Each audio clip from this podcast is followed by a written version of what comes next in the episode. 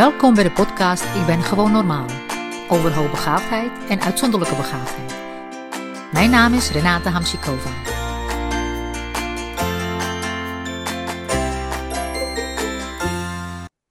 Goedemorgen. Ik zit hier vandaag met uh, Linda Sanders, systeemtherapeut. En uh, wat ben je nog meer, Linda? Oh ja, partner-relatietherapeut. Klopt. Uh, je vertelt zo direct meer over jezelf. Want we hebben het vandaag over ongemerkt, onverwerkt. Waar we nou, volgend schooljaar masterclass over gaan geven.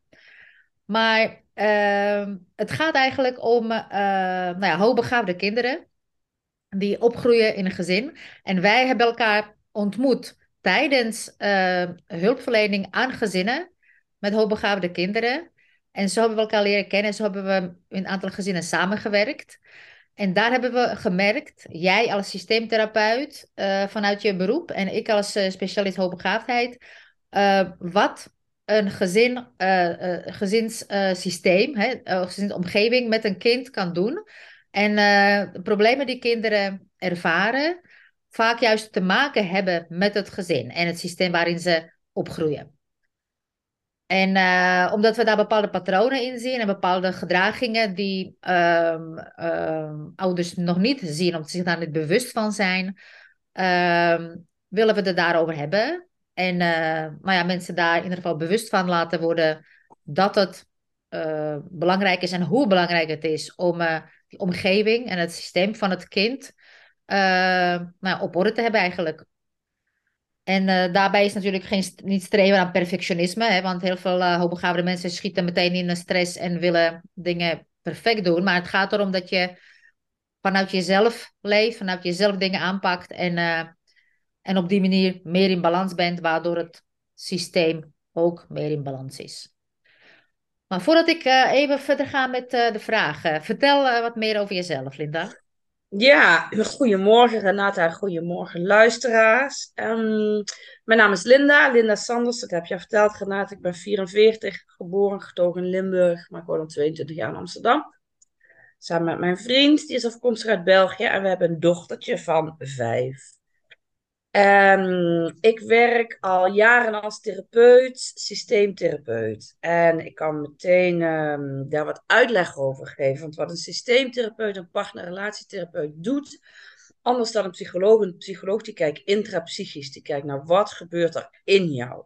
En een systeemtherapeut zegt eigenlijk, we kijken naar de onderlinge relaties en naar de onderlinge verbindingen en daar de dynamiek en naar de interactie daartussen. Dus de systeemtherapie, die, dat is een stroming mhm. binnen therapieland, zo gezegd. En die stroming is eigenlijk ontstaan vanuit een kijk op de biologie, vanuit de natuur. Met het, met, de, met het idee erachter dat in de natuur alles met elkaar verbonden is. En alles reageert op elkaar en met elkaar. En dat vormt eigenlijk een systeem. En in dat systeem, als je iets doet, dan geeft dat een reactie op iets anders. Hè? Dus als je mhm. een plantje water geeft, dan groeit het. Als de zon schijnt, dan groeit het ook. En als je die vertaalslag maakt naar mensen en naar hoe het werkt in menselijke relaties, dan zegt de systeemtherapie: als persoon A iets doet, heeft dat invloed op persoon B. En als B iets doet, heeft dat invloed op C. Ja, en binnen een gezinssituatie zeg je dan: als de ouders, de papa en de mama, of de mama's en de mama's en de papa's en de papa's, hè, als daar binnen iets gebeurt, heeft dat altijd zijn reactie op het kind of op de kinderen. En wat we vaak zien in hulpverleningsland is dat ouders een kind aanmelden en zeggen: Er is iets met mijn kind aan de hand, kunnen jullie ons helpen? En wat de systeemtherapie zegt is: je gaat niet alleen maar werken met het kind dat aangemeld is, want dat kind leeft in een systeem, in een context. Ja. En je gaat naar die hele context kijken. Dus je gaat naar de ouders en het kind samen kijken. En daar ga je je op richten in de gesprekken. Ja, mooi, precies. Want dat is inderdaad heel belangrijk. Um, want ik merk zelf ook uh, van kinderen die bij mij aankomen, hè, en ook uh, dat zij door onderwijzers, dus door leerkrachten op school, vaak uh, aangewezen worden: er is iets mis met het kind. Het kind kan niet leren, het kan niet, iets niet doen, het, kan, het kind komt niet mee, het kind uh, heeft onaangepast gedrag en al die dingen. En, uh, maar hoe het ontstaan is, dus wat is dat in dit context, niet alleen gezin, maar ook het systeem van school, hè, dat dat eigenlijk het kind reageert ergens op, dat beseffen heel veel mensen niet. Nee. Nee. Klopt. En dat uh, eigenlijk het, keer, het kind functioneert niet. Dat is al zo'n uitspraak, Renate, alsof er iets mis is met het kind. Precies. Terwijl ja. uh, als, als een kind of als een mens, een persoon, als jij of ik, als we gedrag laten zien, dan heeft dat gedrag een betekenis. Daarmee willen we iets ja. duidelijk maken. Ja, je dus kunt niet zomaar naar een training, sociale vaardigheid training, daar een trucje leren. Want dan, verhel, dan, dan ben je eigenlijk niet geholpen. Want er is steeds, nog steeds iets binnenin je dat veel dieper is dan aanleren van uh, dankjewel zeggen of handje geven of een of andere kunstje leren. Weet je, het is veel dieper dan dat. Ja, en als je kijkt naar wat de functie van dat gedrag is en je gaat niet alleen zitten op corrigeren van dat gedrag, hè, ja. Dus je gaat een kind niet aanleren dat gedrag wat het laat zien niet oké is, maar dat het iets anders moet doen. Maar je gaat kijken naar wat zit er eigenlijk onder dat gedrag, wat, wat, zit daar, wat is de behoefte daarin van het kind. Ja. En je gaat daarbij aansluiten. Dat is wat je gaat doen in de gesprekken. En die behoefte, als je, als, je, als je die duidelijk hebt van het kind, dan ga je vervolgens kijken naar hoe dat leeft bij de ouders. Of ouders daar überhaupt een idee van hebben en een gevoel bij hebben. Ja, ja, precies. Hey, hoogbegaafde kinderen, uh, die voelen zich vaak eenzaam. en Soms ook uh, niet begrepen door hun eigen ouders. En uh, zeker vaak door andere mensen. Zeker op scholen, klasgenoten. Ze voelen zich buitengesloten op school doordat ze anders zijn. terwijl ze gedwongen worden zich aan te passen aan, aan het gemiddelde. Dus het maakt zo'n kind nog, nog eenzamer. En uh, het, het, het uh, heeft het gevoel dat het kind zich vervreemdt van zichzelf. Hè? Dat dat eigenlijk uh, ja, zijn identiteit als het ware moet opgeven. Ten koste van die aanpassing. En mee kunnen doen en mee willen doen. Dat het, dat het op die manier uh, ja, een, een deel is van een groep.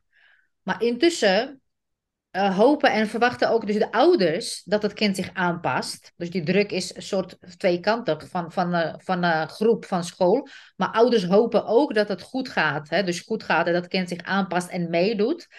Um, en um, eigenlijk wordt dus de, de, de behoefte van het kind uit het oog, te, oog verloren. Mm -hmm. En de aanpassing is het belangrijkste waar mensen zich op richten. Hè? Dus... Uh, uh, ze zien niet wie het kind werkelijk is. En uh, ze zien alleen datgene wat ze willen zien en projecteren dat op het kind. En hierdoor kun je allerlei problemen krijgen. Hè? Dus dat kind inderdaad onaangepast gedrag gaat vertonen, zich terugtrekt, ongelukkig, nou ja, wat dat soort dingen. Uh, het vervreemdt zichzelf, van zich, het vervreemdt zich van zichzelf. Mm -hmm. Maar alle systeemtherapeuten, waar we het net over hebben gehad, uh, aan, aan het geheel. Wat is jouw kijk daarop? Ja. En uh, hoe kijk je naar zo'n situatie van, van, van, van zo'n kind? Ja, mooie vraag ook, Renata. Kijk, mijn visie daarop, mijn systemische visie daarop, is niet dat een kind zijn gedrag per definitie moet aanpassen om in het systeem te passen wat, wat de maatschappij voorschrijft. Hè? Mm uh, mijn visie daarop is dat je zegt dat het, kind, het hoogbegaafde kind, maakt ook onderdeel uit van het systeem. Dus ook binnen dat systeem reageren mensen, leerkrachten, ouders op dat kind. En wat je in gesprek gaat doen, wat je in de therapie gaat doen, is dat je veel meer gaat inzetten op de relatie tussen ouder en kind of de, en, en de, mm, en de verbinding die daar is. Dus je gaat inzetten op dat contact. Ja. En als je inzet op dat contact en, en werkt aan die band, en het kind dus meegeeft vanuit liefde voor je kind, dat je kind oké is. Sterker nog, dat je kind meer dan oké is. Ja. Dat je kind goed is zoals het is. Ja. Waardoor je je kind meegeeft dat het een, een goed zelfbeeld kan ontwikkelen. En keuzes kan maken die passend zijn bij wat het kind graag wil. Precies, ja, ja. En, dat, en wat we allemaal willen als ouders voor, voor onze kinderen, hoogbegaafd of niet, maar in dit geval dan hoogbegaafd, is dat het kind zich kan ontwikkelen op een manier waardoor het kind uiteindelijk zijn weg vindt in dit leven. Zijn eigen weg, dus gebaseerd op zijn behoeftes. Zijn eigen weg, gebaseerd op zijn eigen behoeftes en in daarin te kunnen groeien, zal je als ouders zelfvertrouwen moeten meegeven aan je kind en moeten investeren in de band met je kind. En Ja. niet vanuit goed of fout, maar vanuit liefde. Maar nu merk ik wel bij ouders van hoogbegaafde kinderen, hè, dus dat zij wel investeren en wel liefde, liefdevol zijn en al die dingen, maar nog steeds met hun eh, bepaalde hun eigen conditionering en opvattingen die ze hebben meege, die zij zelf hebben meegekregen. Ja, En, ehm, en ehm, eigenlijk eh, onbewust geven ze bepaalde eh, verwachtingen en conditionering van de maatschappij door naar aan het kind. Dus, dus ik denk dat daar eerst een bewustwording moet worden van, door de ouder. Bijvoorbeeld, eh, kind eh, moet naar school. Er is leerplicht. Dus het kind moet in een klaslokaaltje zitten. Maar aan de andere kant, er is, het staat nergens in de wet dat, dat dat kind inderdaad verplicht is om in een klaslokaal te zitten. Weet je, dus, maar omdat mensen soort zonder nadenken, zonder echt te doorgronden wat ze doorgeven als ouder aan een kind, geven ze dingen automatisch door die ze van ooit hebben gehoord, die, die zo horen, die ze hebben meegekregen van hun ouders. Weet je, dus het, het, dat projecteren, zeg maar, klopt. gaat Klopt. door. En daar moet op een of andere manier op een gegeven moment die bewustwording en een stopbord. Stop, denk na, voel. En met de liefde, dus met dat voelen, doe wat goed voelt. Niet wat Ja. je denkt dat hoort. En hoe kom je daar bij ouders bij, hè, als systeemtherapeut? Kijk, en het programma wat we aan het ontwikkelen zijn, Renate, heet natuurlijk ook ongemerkt, onverwerkt. Hè? Ja. Dat is niet voor niks. Ehm, wat je gaat doen als systeemtherapeut is, je gaat met ouders in de kamer praten en daar ga je ook toestemming voor vragen van, mag ik eens met jullie gaan kijken naar wie jullie zijn als Ja. ouders, als mens, wat jullie mensvisie is, wat jullie zelf meegekregen hebben in jullie eigen opvoeding aan normen, aan waarden, aan overtuigingen, hoe jullie de maatschappij zien. En hoe ik dat doe, is je gaat dan altijd een genogram noemen ze dat, een, stam, een soort stamboom Ja. maken van wie zijn de ouders van deze ouders?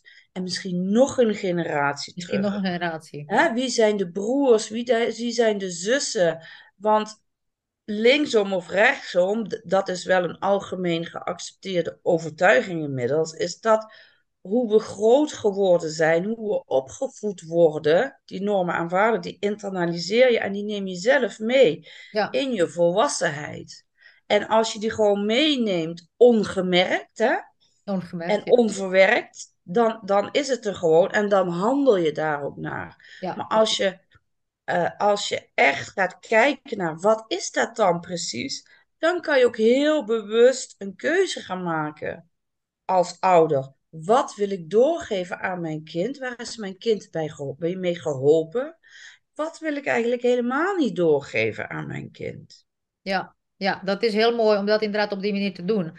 Dan kun je Maar je, gaat, je kan er alleen komen als je werkelijk toestemming hebt van ouders om dat ook te mogen doen. En Ja. ouders vinden dat stuk natuurlijk ook eng. Het is best eng. Het kan bepaalde pijn eh, naar boven la- eh, laten drijven. Da- Daar gaan we het zo nog even over hebben. Eh, en daar moet je nou ja, krachtig voor zijn om dat te, te kunnen doorzien, doorleven en, en transformeren eigenlijk. Ja, en als systeemtherapeut, je bent niet degene die verantwoordelijk is voor de verandering, Nee. maar je bent wel verantwoordelijk voor het begeleiden van het proces op Ja. een zorgvuldige en liefdevolle manier. Ja, Dus je precies. neemt ja. wel ouders bij de hand en zegt: Kijk, hier kunnen we eens naar gaan kijken. En als, als therapeut moet je zorgen dat je daarin een, een veilige basis biedt waarin ouders met je in gesprek willen en kunnen gaan. Hè? Ja, ja. Ten Maar ik heb ook behoeve in van de een goede gezinnen. ontwikkeling van het kind. Ja, ja. Ik heb ook gemerkt in de gezinnen die wij inmiddels hebben begeleid, hè, eh, samen, Mhm. eh, dat aantal gezinnen dat daar inderdaad mooie inzichten zijn ontstaan, ook door ouders. Ehm, en, ehm, en op die manier, ehm, en het gaat niet vanzelf, hè, want het is niet na één gesprek, want zoiets Nee. is heel pijnlijk en hardnekkig en het blijft. En, en je ziet ook en voelt die pijn van die ouder, die ook nog steeds in een overleving zit. Misschien omdat diegene niet gezien is geweest voor wie, wie hij of zij werkelijk is als, als mens. Dus daar ontstaat eigenlijk ook binnen de volwassenen een soort nieuwe groei? Een nieuwe ontwikkeling. En ehm, eigenlijk en is mijn volgende vraag, want veel ouders hebben, eh, doordat ze ontdekken dat hun kind hoogbegaafd is, hè, eh, ontdekken ze pas via hun kind, als het ware, dat zij zelf ook hoogbegaafd zijn.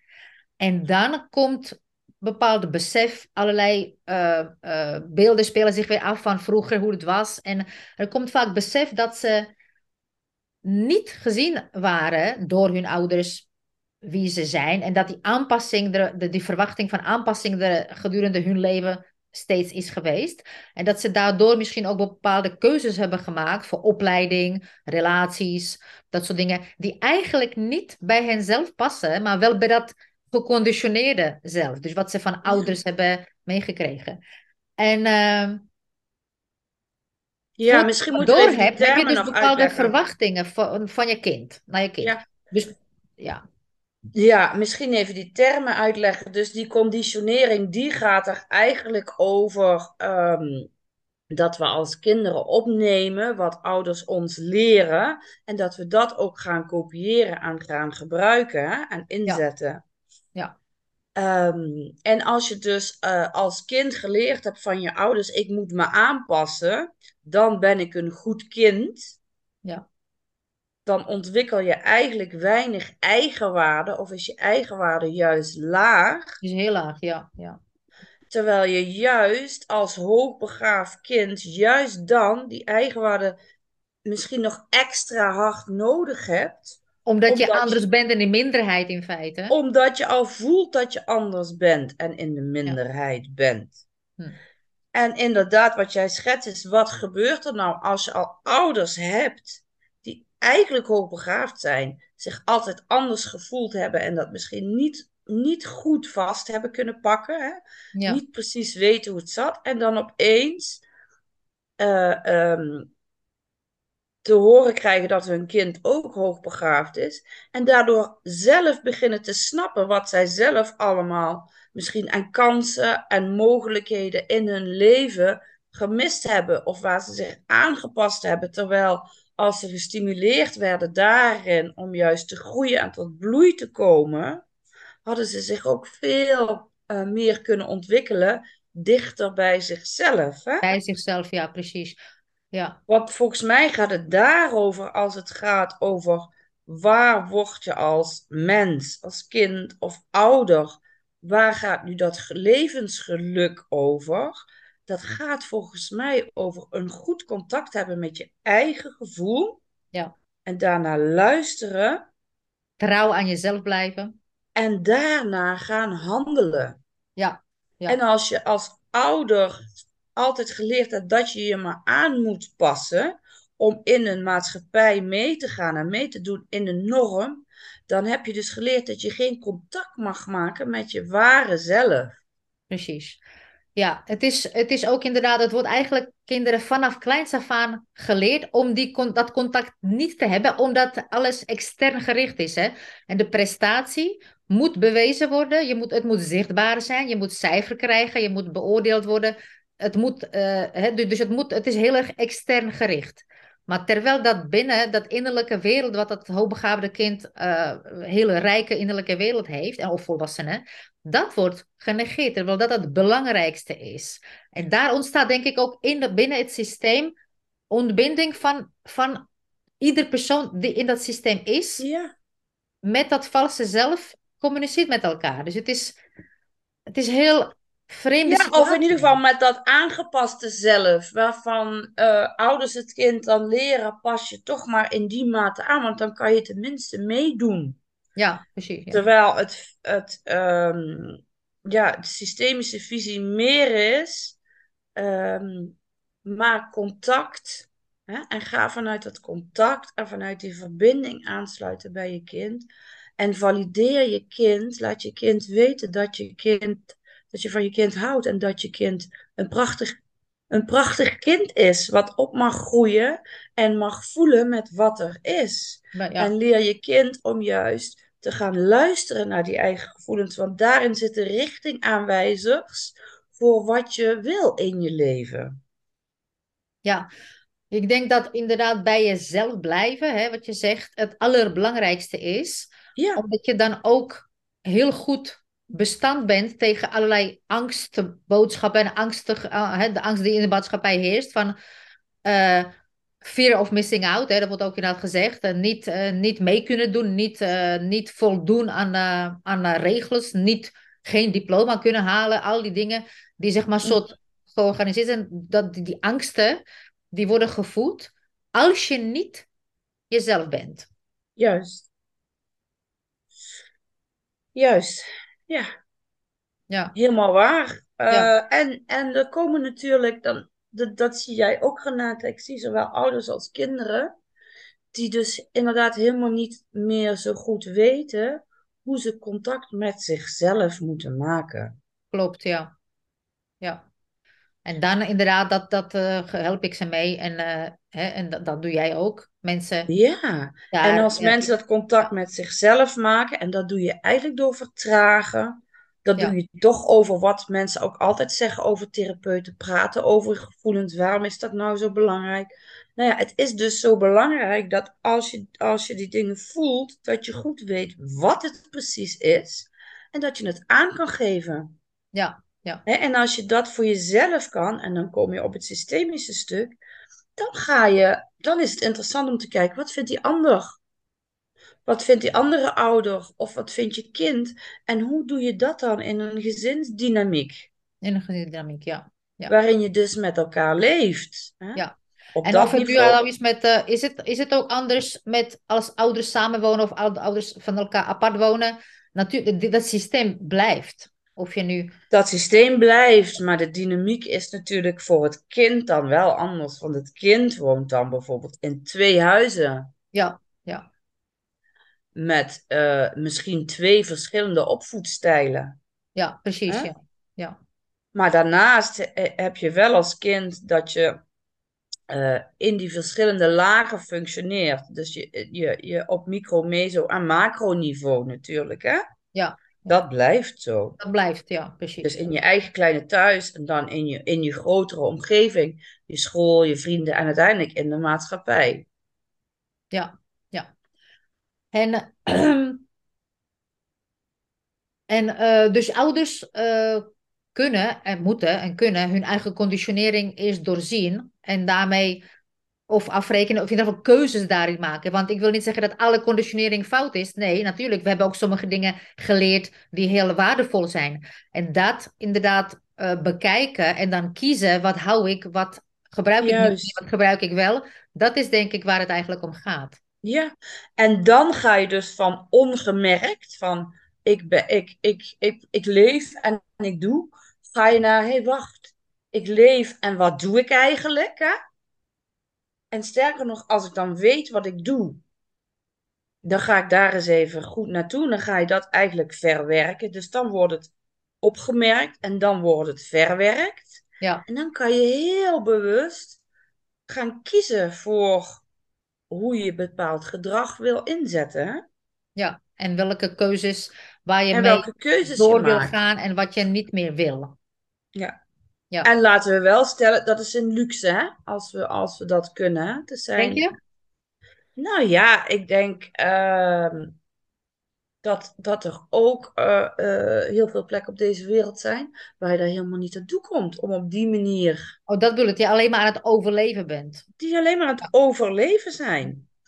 Maar ja, wat ik wel zie is, ook al zitten we, zijn we in Nederland, in een van de rijkste landen ter wereld, dan nog zijn heel veel ouders, niet alleen ouders, maar mensen in het algemeen, blijven hangen in uh, survival, in het uh, fight, flight of freeze mode. Terwijl, en kom, niet eens komen aan ontwikkeling toe, aan verdere groei, um, omdat ze in die angst zitten. Angst om niet mee te kunnen doen, angst voor uitval. Je kind uh, functioneert niet. Je, je bent steeds bezig met, met, een, met, met een of andere drama.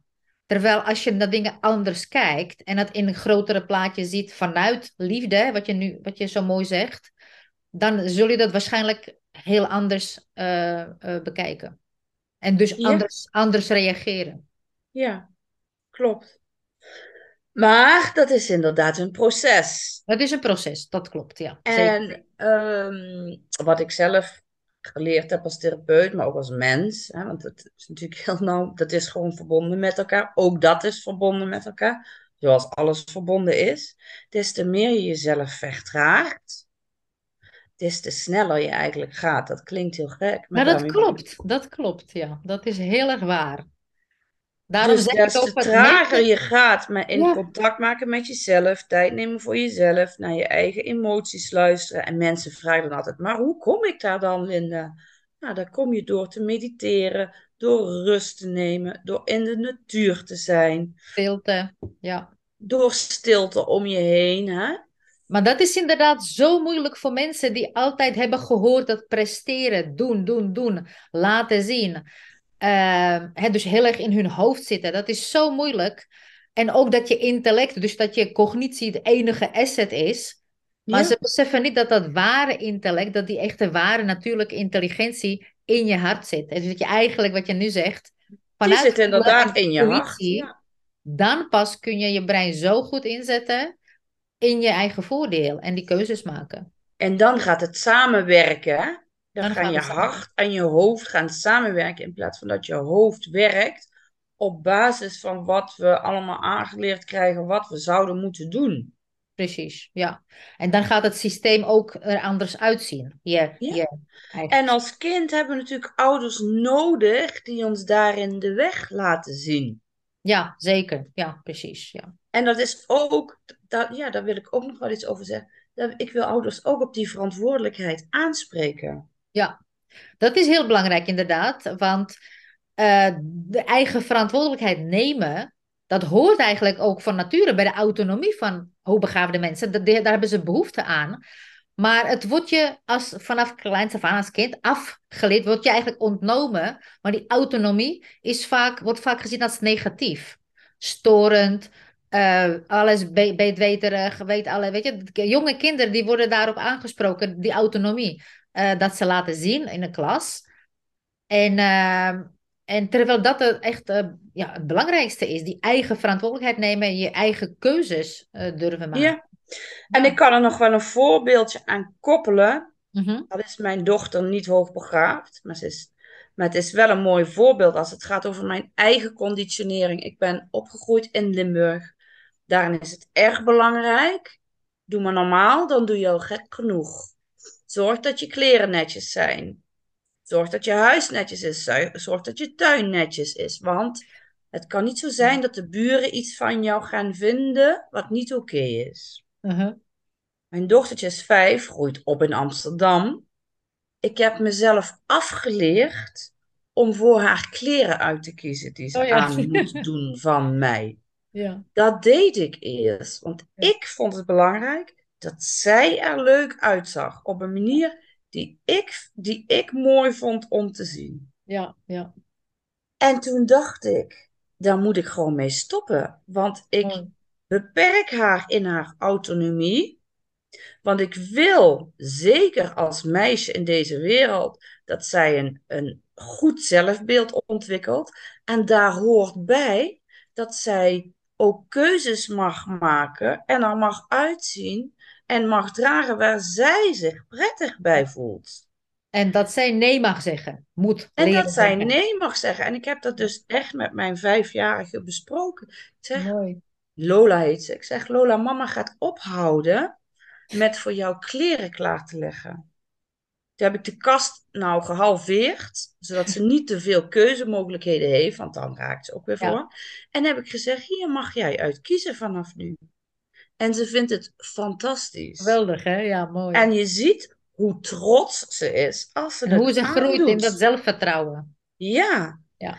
En dat is natuurlijk een heel klein voorbeeld, maar ik denk dat het tussen ouders en kinderen, oudere kinderen, op die manier ook werkt. Als je vanuit vertrouwen eh, laat zien dat het goed is wat je kind doet en je zet in op dat onderlinge contact, dan Ja. groeit je kind. Maar ik moest me dus wel weer eerst even bewust worden van wat mijn eigen overtuiging is. Ja.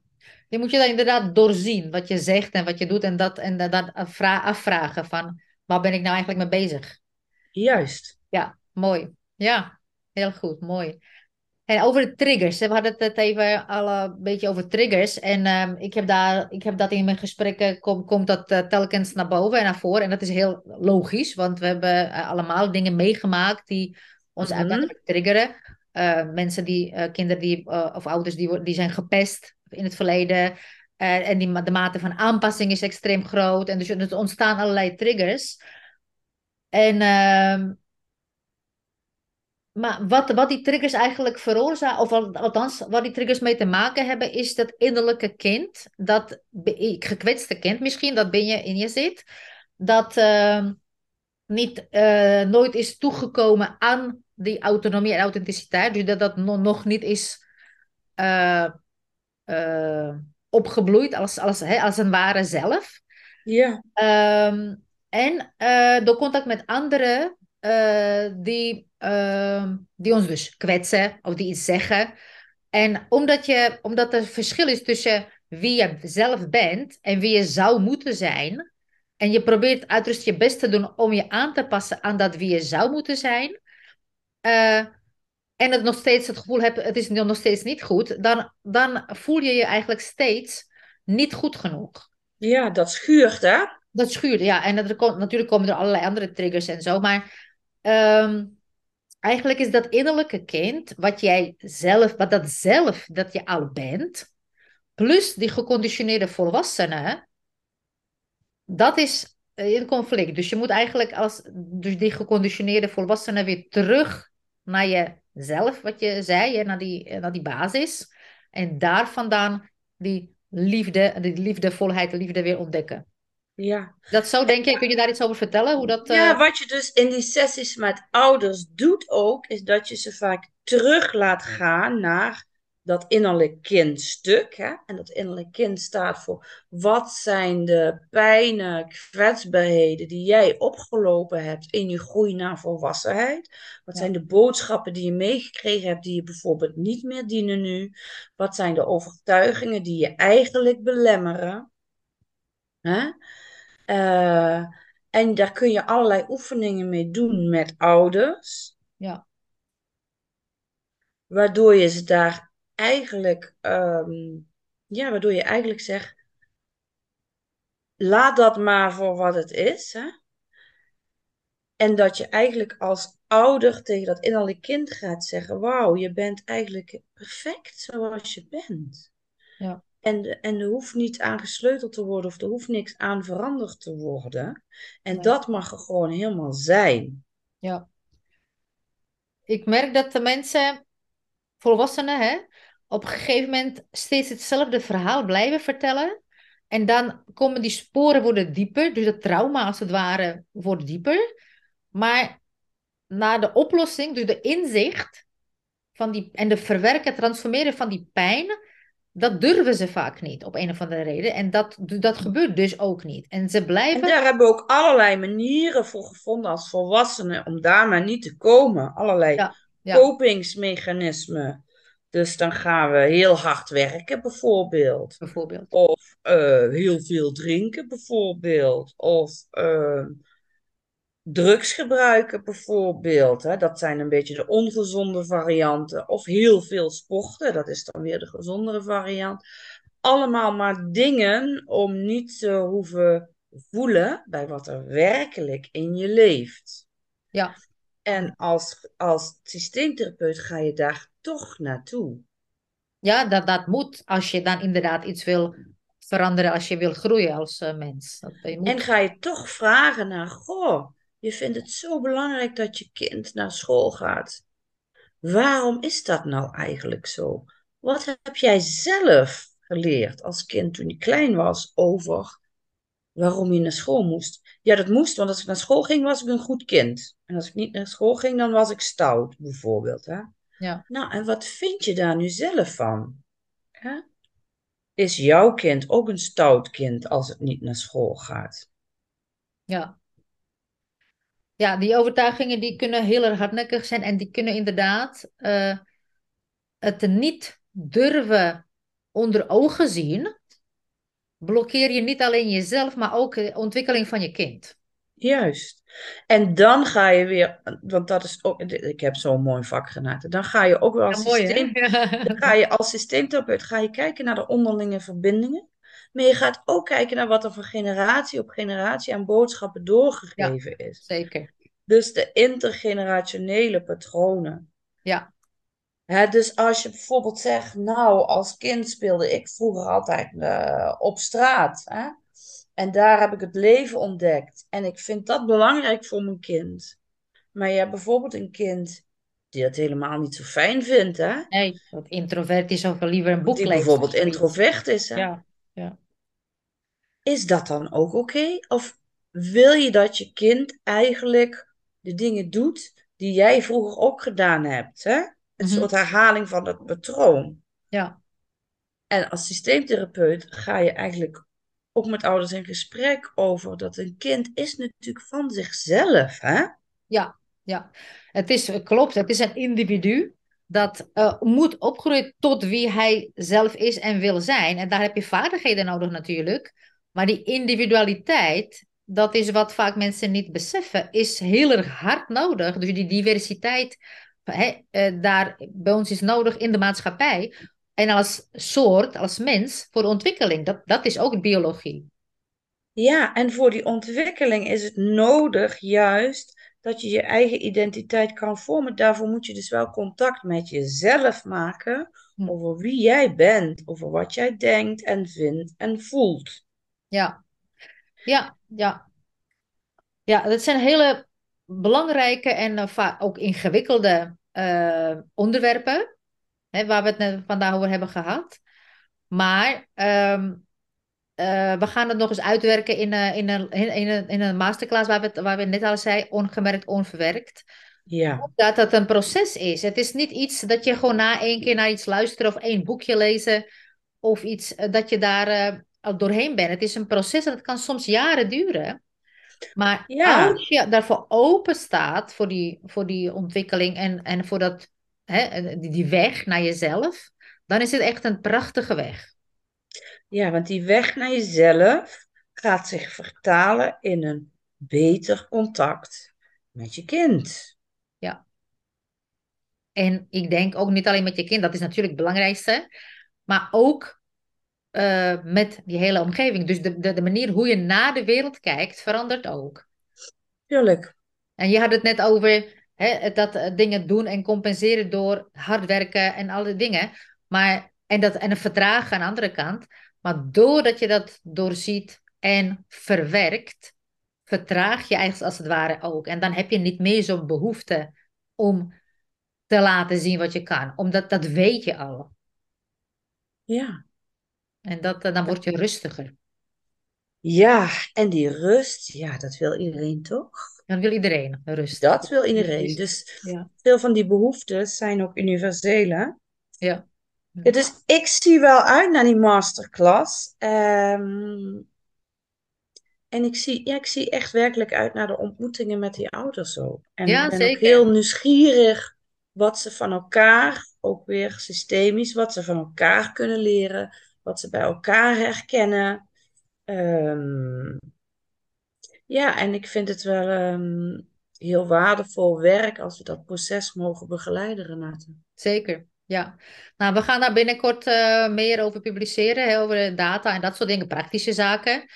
Eh, komt sowieso na de zomer.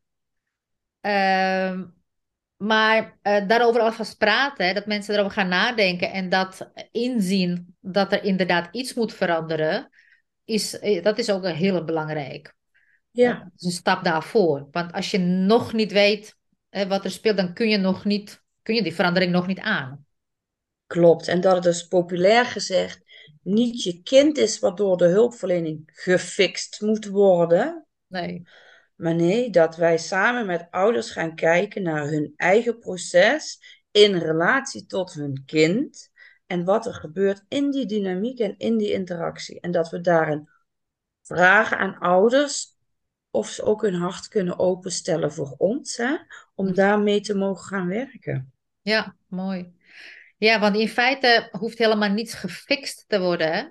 Het is alleen eigenlijk inderdaad dat eh, die rust vinden, jezelf weer terugvinden en daar vandaan beslissingen nemen en je tot wereld verhouden. Eh, dat is eigenlijk waar het om gaat. Klopt. Ja, mooi. Linda, heel erg bedankt voor je eh, gesprek vandaag. Heel graag gedaan. En eh, we gaan heel binnenkort weer wat plannen. En misschien nog een podcast maken, wie weet. Ja, Ehm, en eh, nou ja, we gaan sowieso in de herfst eh, ehm, eh, met ouders aan de slag. en het is ook mooi, hè, als, als laatste hoorde. Nou, want de herfst is ook weer de tijd om naar binnen te gaan, hè? Ja, dat past ook. mooi, dat past ook weer. Ja, mooi. En dan is er inderdaad het moment van vertragen en korte dagen, langere nachten.